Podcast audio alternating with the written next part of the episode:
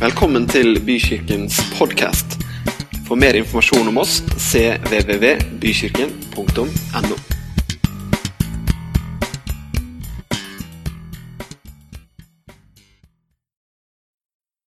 Dere, vi skal dele Guds ord sammen, og for um, noen eh, dager siden så hørte vi en historie på radioen. Radio 316 er det sikkert noen av dere som har fått med dere. Sender fra Kristiansand. Og så er det en historie der som eh, var Julia som først hørte den, og så fortalte hun til meg. Så du får eh, sufflere hvis det er liksom eh, viktige detaljer jeg har glemt. Men en historie som liksom bare har kverna inn i hodet mitt siden. og Jeg har kanskje delt det med noen av dere allerede, men i hvert fall så sitter programlederen der, og så forteller hun at eh, hun er vokst opp i et kristent hjem og liksom har god kjennskap til det ene og det andre. Mannen hennes, som også nå er en troende, han har ikke det og hadde ikke liksom samme bakgrunns, hva skal man si, bagasje med seg. Kunne ikke alle skriftsteder og det ene og det andre. Og så skjer det at han blir alvorlig syk.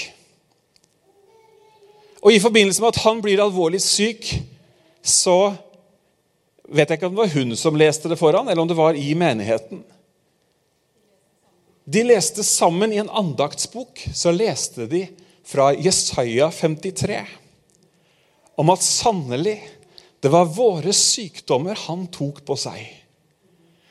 Mens de leser Og du kan jo tenke deg settingen hjemme. Det var jo selvfølgelig da både orgelbrus og lovsangskor, på den andaktsstunden. Nei, men mens de sitter der og leser i andaktsboka si Det var våre sykdommer han tok på seg så beskriver mannen hennes det som du vet, Hvis du har glemt å lokke, lokke lokket på en eh, kopimaskin, den der skanneren som går opp og ned og leser Han beskrev det som en følelse at det var et sterkt lys som gikk opp og ned gjennom han. Og så blir han da momentant helbreda. Og så sier han til kona si Visste du at det her sto der? Liksom sånn Hallo, liksom! Visste du at dette sto? For dette var det aldri noen som hadde fortalt han.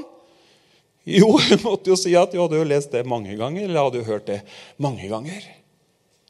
For, for han så var det helt utrolig at noe så kraftfullt kunne stå der, og at ikke flere hadde fortalt ham det. Og så er vitnesbyrdet hennes i etterkant, etter denne opplevelsen, at uansett hva jeg føler, så finnes det en kraft i Guds skrevne ord. Det han sier, det er sant. Og hun forteller deg, Det er herlig vet når det er sånne ting på radio.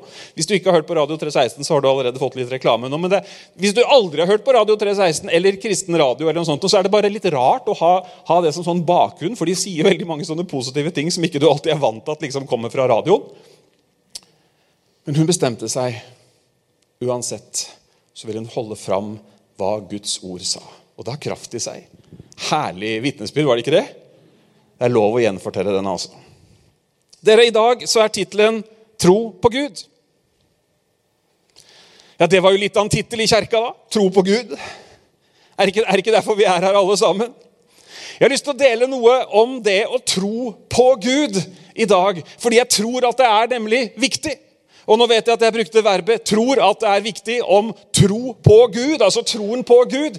Og jeg vet også at kanskje noen, bare man hører begrepet 'tro', får en sånn viss anspent referanse som dukker opp i hodet.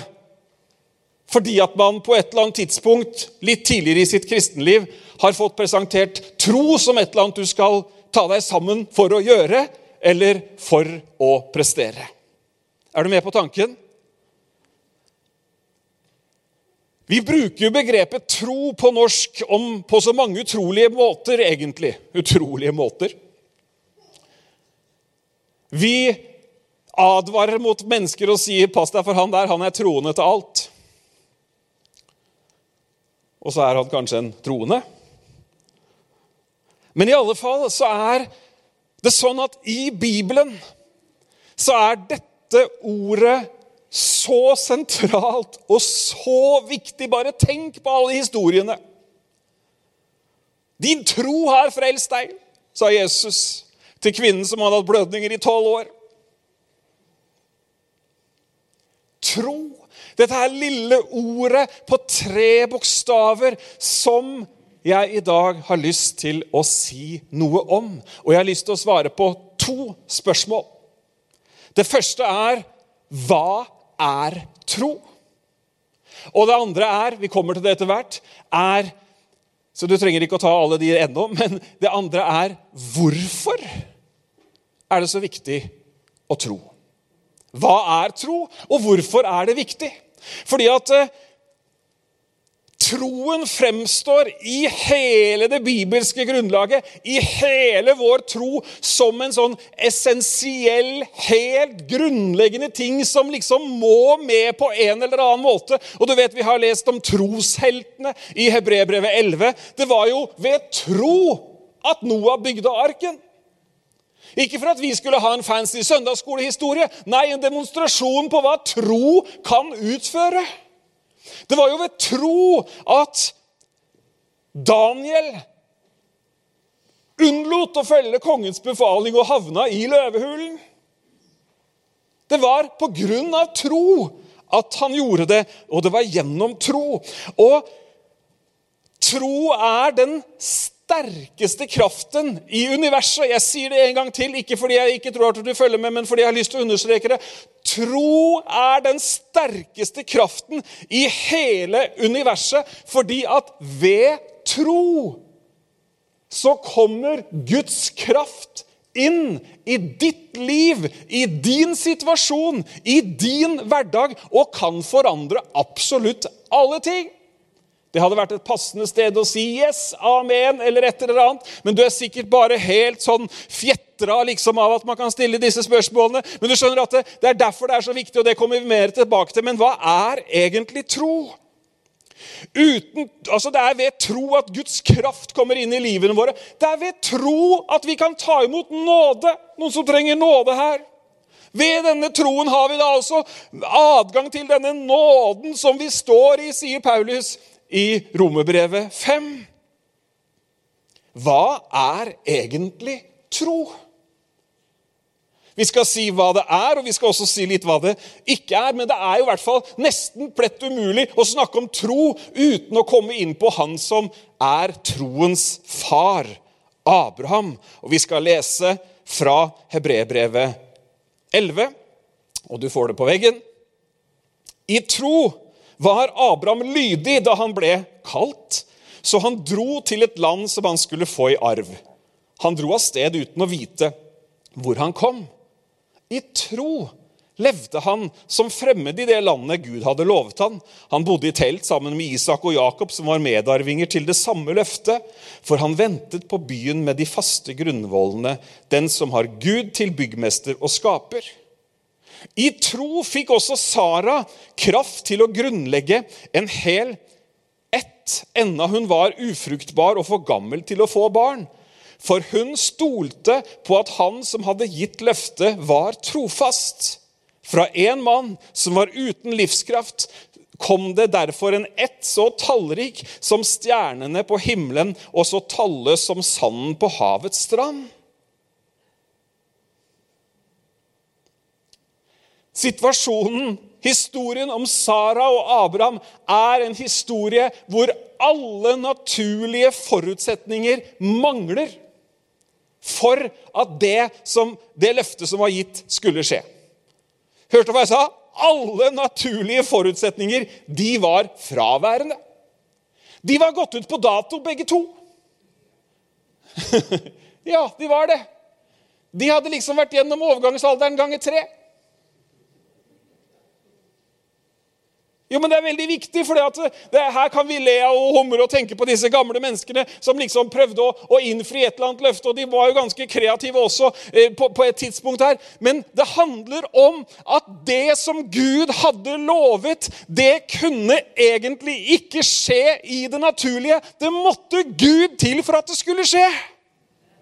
Derfor så står det 'ved tro'. Så hva var det Abraham og Sara gjorde? Jo, midt i denne situasjonen så sa de det. Hvis det hadde hengt et tau ned fra taket her nå, så hadde de sagt at jo da, det er et løfte som er gitt fra himmelen. Han har sagt det. Men hva er det troen gjør? Jo, troen griper tak i det tauet og kobler den umulige situasjonen med han som Bibelen snakker om og sier at for han er alt mulig. Derfor så står det ved tro var det mulig for Noah å bygge denne arken. Hadde han gått på bakken Teigen Jeg vet ikke om du lærer å bygge ark der, forresten, men det er noe sjøfartsgreier der i hvert fall. Nei, på ingen måte. Men hvorfor? Jo, fordi at han grep tak i det som Gud hadde sagt, og da ble det mulig. Halleluja! Oi, oi, oi! Og så skal vi se litt nærmere på hva tro egentlig er. For i Hebrebrevet, hvis vi spoler litt tilbake fra der hvor vi akkurat har lest, så står det en definisjon av tro i det første verset, og du får det på veggen der. Og jeg får det her. Det Du får det der, og jeg får det der. Hva er så tro? Dette er Hverdagsbibelen. Hva er så tro? Jo, det er full tillit til det en håper på overbevisning om noe en ikke kan se med sine fysiske øyne. Det er noen sentrale begrep her. Full tillit. Overbevisning. Full tillit. På grunnteksten så er det ulike begreper som brukes om tro, det å tro på Gud. Men de har alle den samme essensen, selv om det er litt ulike ordvalg. Og vi skal få opp noen av de her nå, tror jeg, på det neste bildet. For tro dreier seg om, som du ser nederst der, en, tillits, en tillitsfull innstilling overfor Gud. En tillit til Guds ord og hans løfter, og en lydighet mot hans ord. Tilbake til Abraham. Han fikk et løfte om at han skulle bli far til mange. Så fikk han beskjed om å reise til et sted han ikke visste hvor var. Men i tro så gjorde han det.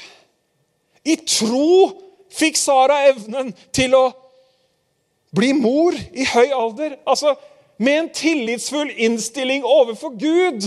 Med, med tillit til Guds ord og hans løfter var det mulig. Så når det står 'i tro dro Abraham ut', så kunne det stå 'ved en tillitsfull innstilling til Gud og hans løfter' 'og ved lydighet mot hans ord', så gjorde han det. Det dreier seg om å stole på, støtte seg til trøste seg til eller med, søke tilflukt til. Hva er tro? Dette er tro. Tro handler ikke om et sett av religiøse plikter. Det handler ikke om at du har kommet så og så langt på vei i din kristne vandring. Nei, det handler om en grunninnstilling hvor du sier at 'jeg stoler på deg, Gud', uansett hva det ser ut som nå. Det er tro. Gud hadde sagt det.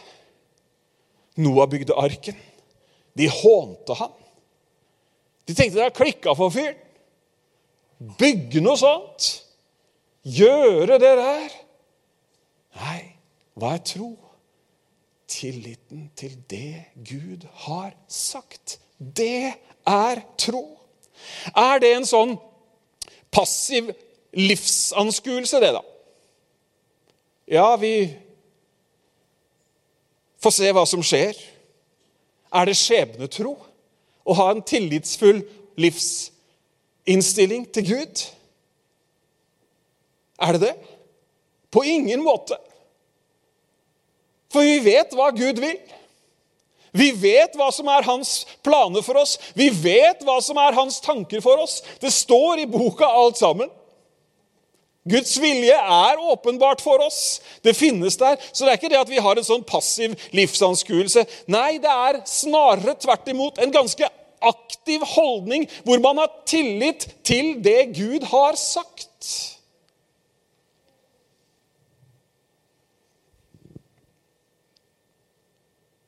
Hans gode vilje er så tydelig i Bibelen, og det er derfor vi preker Bibelen. Det er derfor vi sier at det er lurt å lese Bibelen. Ikke fordi du må, men fordi du får lov. Hørte hva jeg sa? Ikke fordi du må, men fordi du får lov. Det er mulig å faktisk få tak i hva han sier, og det gjør selvfølgelig også noe med troen vår. Men det har skjedd noe på veien. Det som var ment å være en tillitsfull relasjon Dere husker Adam og Eva, skapt i Guds bilde for å leve i samfunn, i relasjon med Gud. Dere husker historien? Noen husker historien? Ja, det er bra.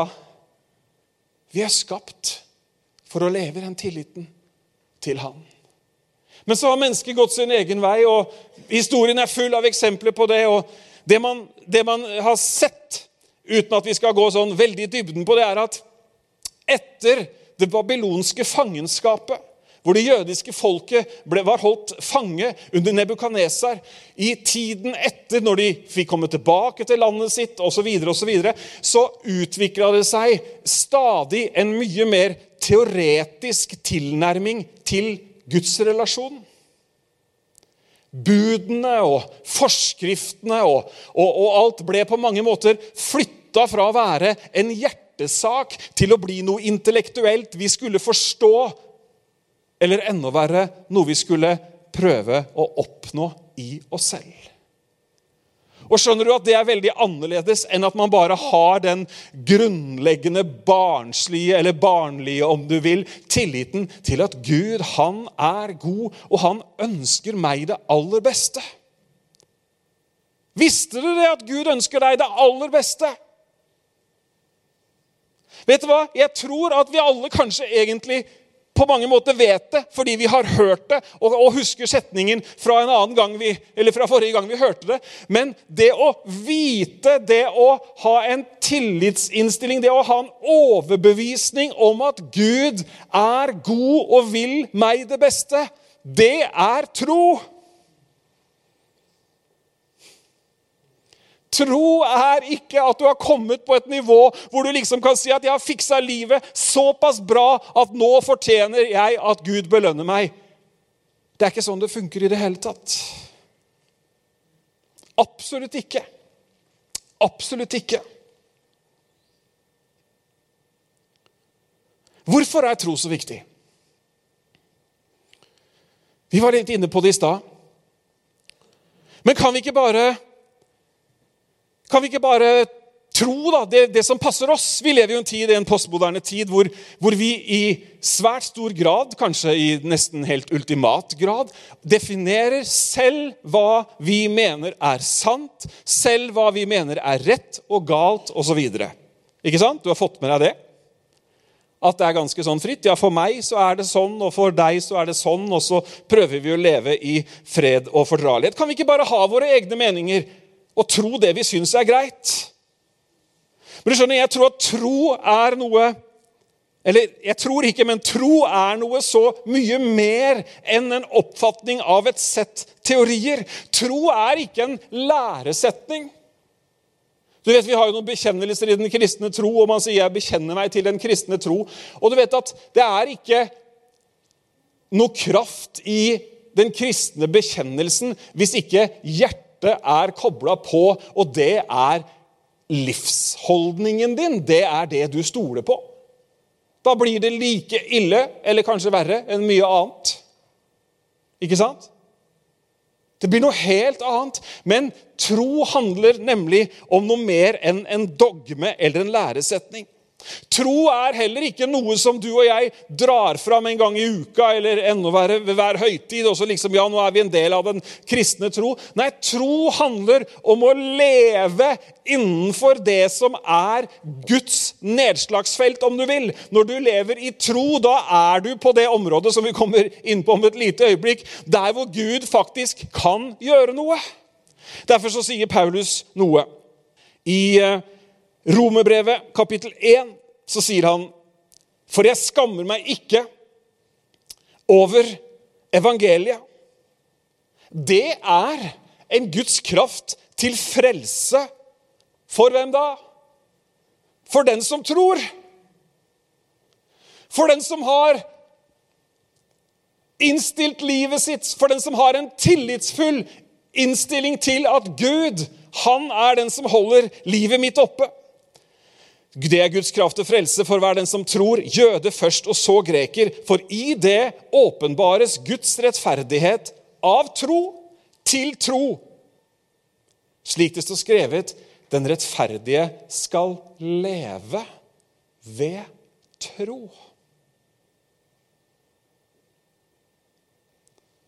Den skal leve ved tro.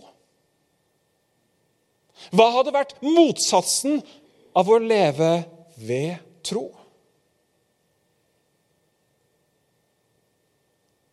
Det hadde vært å leve hvis vi skal holde oss til Bibelens termer, det hadde vært å leve ved gjerningene våre. Det hadde vært å holde frelsen ved like, ved at vi gjorde alle de riktige tingene. Men Bibelen er knalltydelig på dette, at vi er frelst av nåde og ikke av gjerninger, for at ingen skal kunne rose seg. De skal leve ved tro. Hva er det Paulus sier her? Han skammer seg ikke. Ok, Han skammer seg ikke fordi det finnes en kraft. Og så sier han at, at kraften i evangeliet merkes, den oppleves, av hver den som tror. Og så sier han at i de gode nyhetene så blir Guds rettferdighet åpenbart. Det betyr at i evangeliet så opplever vi tydelig Vi erfarer Guds godhet. Den rettferdige skal leve ved tro. Jeg skal ta deg med til et vers som står i Hebrebrevet 11. Litt usikker på om den er der. Den er ikke der, nei, men da kan jeg lese høyt, og så kan du slå opp hvis du vil.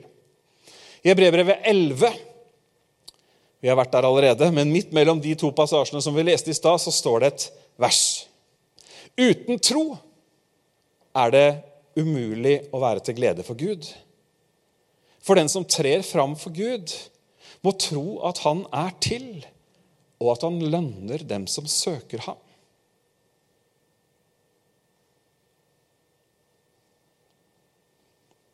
Hvor mange har hørt dette verset i en litt sånn Hva skal jeg si? Halvveis negativ vinkling. Sånn Nei, har du ikke tro, vet du, da Da er det ikke mulig å være til behag for Gud. Det kunne like gjerne stått her uten tro, så kunne det like gjerne stått utenfor troen er det umulig å være til glede for Gud. For den som tror, for den som trer fram for Gud, må tro at han er til, og at han lønner den som søker ham. Utenfor det området Hvis vi tenker oss at dette, denne scenen her er et område Så vet jeg ikke hvor du liksom ville plassert deg i, i troen. Kanskje du hadde tenkt at du hørte hjemme på midten, på det høyeste punkt. Er det noen som rekker opp hånda der? Jeg trenger ikke det. Kanskje du hadde tenkt at nei, jeg Jeg vet nesten ikke om jeg er, er her oppe i det hele tatt. Liksom. Jeg er liksom litt Skjønner du? Poenget er bare at om du er her eller der eller der borte eller i et annet hjørne så lenge din Så lenge du er oppå her, eller så lenge du er innafor her, så er du på et punkt hvor du er til behag for Gud. Uansett. Til og med hvis du står her på et, et, dette nivået, ser du at det er litt lavere, men det er fortsatt, det er fortsatt innenfor. Det henger sammen med den, så vi definerer det som en del av scenen. Ok? så er du fortsatt til glede for Gud. Slutter uttrykket være til glede for Gud, betyr at du er i en situasjon, i en relasjon i livet hvor du og Gud har en relasjon hvor det er et levende forhold, og dere kan nyte av hverandre.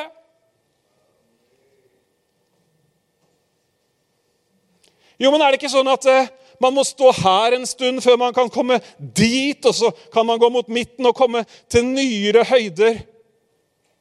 Og Noen ganger så har noen følt at hvis de liksom er på tuppen her, så er det Nei, hvis ikke du har noe tro, vet du, så er det umulig å være til behag for Gud.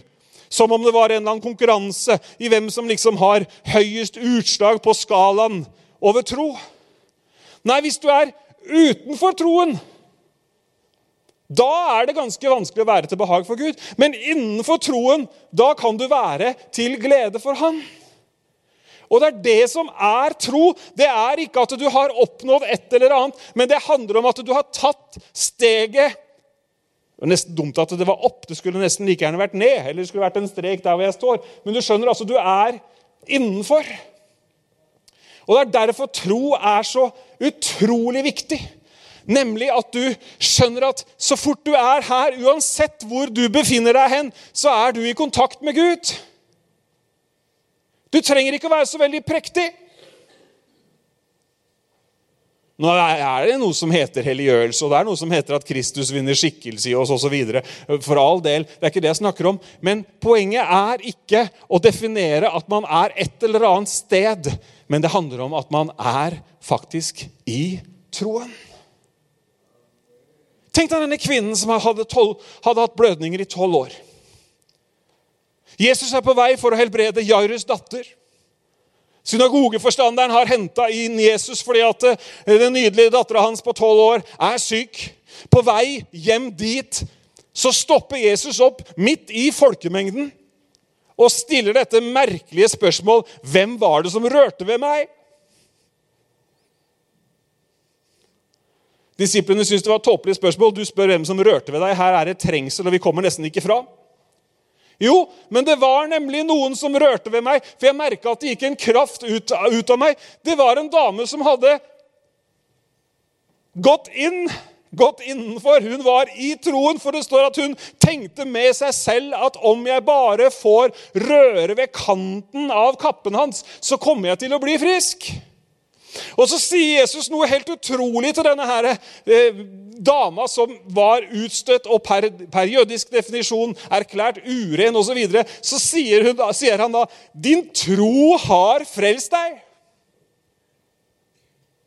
Det står ikke navnet på dama. Hun var, hun, hun var, en som noen ikke trodde engang var i nærheten. Hun var per definisjon veldig langt unna. Men hun var en troende. Du er en troende. Uansett hvor du liksom tenker at du er i forhold til den ene og den andre. Og så er det ganske morsomt, fordi at mens han er der Jeg kan tenke meg Jairus, han sto trippa ganske godt. Mens de er der, så kommer det bud hjemme fra Jairus sitt hus. Du trenger ikke å bry mesteren likevel, for hun er død.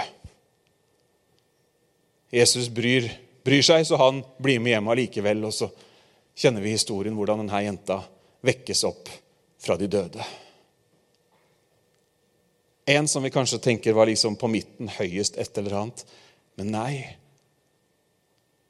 Det var både han og en som han kanskje ikke tenkte i det hele tatt. Hvorfor sier jeg dette her?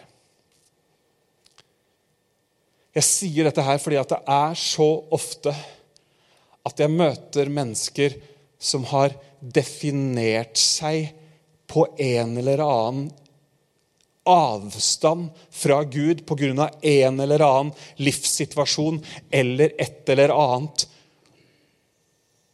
Og så tenker de at troen, den forsvant fordi noe gikk i stykker. Forsvinner troen selv om livet går i stykker? Jeg stiller et åpent spørsmål. Forsvinner troen altså ble, ble Gud borte fordi ekteskapet røyk? Hallo? Blei han det? Slutter kraften i evangeliet å virke fordi man opplever sykdom? Nei, Ikke i det hele tatt. Det er så viktig at vi skjønner at tro handler om en innstilling. At vi faktisk våger å lene oss på Gud uavhengig av situasjonen. Fordi at han holder. Amen. Han er sterkere enn alt. Og du vet, man har jo Til tider så har jo noen sikkert liksom eh, opplevd eller vært i en eller annen situasjon som ikke løste seg, og så har jo noen liksom Ja, nei, det er viktig å ha tro, vet du, og har du ikke tro og Noen som har hørt noen sånne kommentarer en eller annen gang på 90-tallet eller begynnelsen av 2000-tallet? Ja, det er noen som vinker til meg her. De har misforstått fullstendig. Alle har fått et mål av tro. Enhver har fått et mål av tro. Hallo? Alle har fått det. Du har fått det. Så du kan med frimodighet rette din tro til Gud. Selv om det ser håpløst ut. Vi sang, vet du, når jeg var liten, så sang vi en sånn gammel sang. Gjør du som Abraham gjorde. Sku blott mot himmelen hen. Opp, var det kanskje. Var det opp? Ja. Da mens du stjernene teller, vokser din tro, ditt håp. Du, gjør som Abraham. Hør på meg, kjære venn. Gjør som Abraham. Kan du tenke deg lite grann hvor mislykka Abraham måtte føle seg? Altså jeg vet ikke om noen her har fått Guds eh, tiltale om at de skal bli far til et stort folk. Det var det løftet han fikk. Men Guds løfter har vi alle fått del i. Og Det er det som er poenget her. dere. Hvorfor skal vi tro? Jo, fordi at i tro, ved tro, så får vi tak i de løftene, og så blir de løftene oppfylt. De skjer i livene våre etter den timingen som Gud ønsker at det skal skje. Men det triste er jo når vi som mennesker på en eller annen måte da klarer å definere oss litt sånn på, på, på, avstand fra troen, når vi egentlig ikke er det i det hele tatt. Det er bare at omstendighetene gjør det sånn at det virker ikke som om liksom, jeg har noe med tro å gjøre i det hele tatt. Jo, vet du hva? Du har tro, vet du. Du har fått tro. Du har det. Så er det noe som handler om at troen ikke er en statisk størrelse. Troen er noe som hva skal man si, vokser, utvikler seg osv. Bibelen sier bl.a. at troen kommer av forkynnelsen. Og det og forkynnelsen kommer eh, av Guds ord. Ikke sant? Så det f.eks. Å, å høre og lese og ta til seg av hva Bibelen sier om oss, det gjør noe. For det, det gjør bildet av hvem Gud er, klarere og klarere, og man ser mer og mer og mer. Det var fantastisk å høre Katrin her forrige søndag. For dere som var her. Hvis ikke du var her, så må du høre podkasten. Fortalte hvordan det å lese Hun hadde tatt en runde og lese Bibelen fra perm til perm. Og så fortalte hun om hvordan det ble en sånn progressiv åpenbaring. Hva er det for noe? Jo, det er at du ser mer og mer og mer. Fordi at eh, du sjekker hvem Gud egentlig er, og hvordan han holder på, og hva han gjør, og hva han kan. Det gjør noe med oss. Absolutt. Jeg er sikker på at hvis du hadde fått en løftesønn i den, den samme alderen som, som Abraham og Sara, så kan det hende at du hadde sagt det er ikke noe problem hvis vi skal få en til. Ja, tror du ikke det? Det er jo noe med det at når du har sett Gud gjøre noe, lest, hørt Gud gjøre noe, hva gjør det? Det gjør jo noe med troen vår, ikke sant? Men ikke, ikke, det, det perspektivet at du liksom skal ha en sånn troskonkurranse. Bare den historien jeg fortalte nå helt til å begynne med, om, om denne mannen som, som, fikk, som leste Jesaja 53 og ble, altså, håper jo det gjorde noe med deg. Det gjorde, det gjorde, noe med meg. i hvert fall. Hvorfor? Jo, fordi det er en fersk historie. Det er på en måte et bevis. Det er, det er en, en, historie fra egen tid hvor, hvor, vi ser at Gud faktisk gjør noe. For Gud gjør faktisk noe. Men hvis vi holder oss utenfor troen, da er det umulig for Gud å gjøre noe.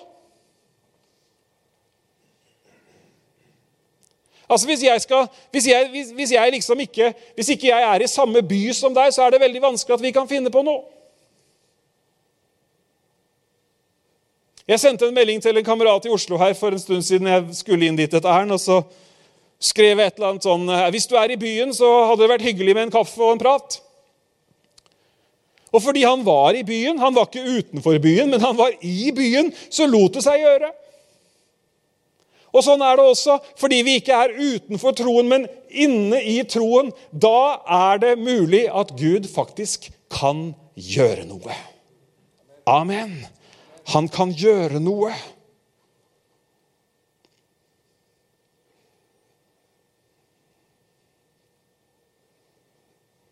Tro handler om en full, en tillitsfull hengivelse til Gud. Vi skal gå mot siste strofe. Lovsangerne kan komme opp.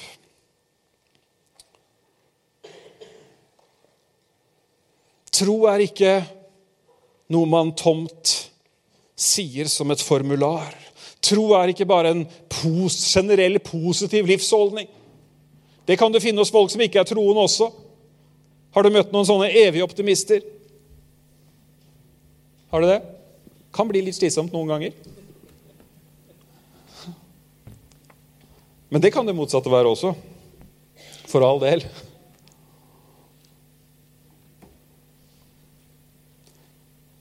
Paulus han underviser mange steder i brevene sine. Og vi ser at det står at vi skal bevare troen. Vi skal la troen bli sterk. Vi skal være grunnfestet. Og vi kan vokse i troen, osv. Dere, vi reiser oss opp, og så skal vi be sammen. Jeg har lyst til å gi deg noen utfordringer helt til slutt. For det første så vil jeg at du skal virkelig få, deg, få det med deg. Tro ikke er et gjerningsprosjekt hvor du skal forsøke å jobbe deg opp til et eller annet nivå som skulle utløse Guds inngripen. Men det handler om at vi kommer tillitsfullt til Han. Men hør her, kjære deg. Tro på at Gud har all makt. Tro på at han er din far, som har gitt deg livet, og som vil deg det beste. Han vil deg det beste. ikke det fantastisk? Og han vil det beste for oss. Tro på at han har kontroll. Tro på at han kan gjøre det ikke noe menneske er i stand til. Tro på at han kan helbrede alle sykdommer. Tro på at han kan helbrede deg. Tro på at han kan gjenopprette, fikse, reparere relasjoner som er ødelagt. Tro på Gud. Det er lett når livet går i raske svinger. Og det ene og andre oppstår. Og dere, det er jo sånn det er å være menneske. Det ene og det andre oppstår. Men han er den som lønner den som søker ham. Midt i det du står i, midt i det du baler med, midt i det som du liksom som surrer rundt i hodet ditt eller i kroppen din eller hva det er, så vend deg mot Gud. Ha tro til Gud. Ikke som en sånn fordømmende tilstandsrapport over deg at ikke du har det, men som en vennlig, nådefull, kjærlighetsfull invitasjon om å vende hjertet til Gud. Ha tro til Gud for din situasjon. Skal vi be sammen, og så kan du med dine ord, enten med eller uten stemme, takke Han for at Han er Gud. Takke Han for at Han har kontroll, selv om du føler at Han ikke har det.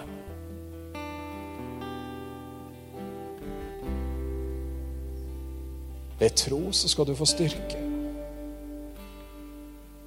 Ved tro, fordi du griper tak i det Gud har sagt, så skal du få oppleve veiledning.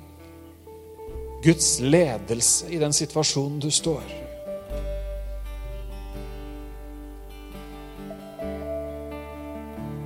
Det står noe om Abraham som jeg aldri kommer til å glemme etter at jeg leste det for første gang. Det står i Romerbrevet 4,18. Her står det Da alt håp var ute, trodde han med håp.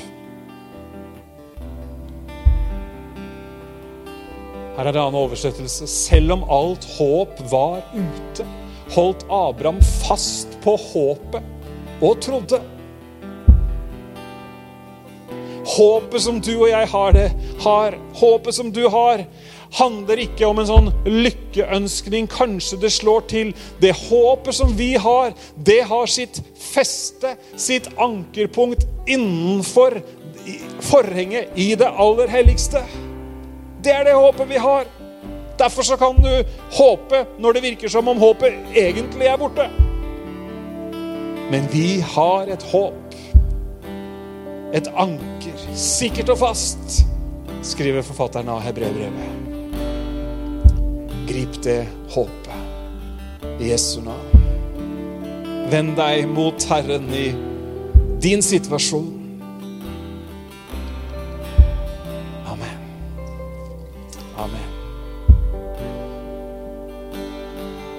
Da skal vi synge litt stille sammen. Det er mulig å få en prat og litt forbønn hvis man ønsker det. Vi bevarer roen her inne.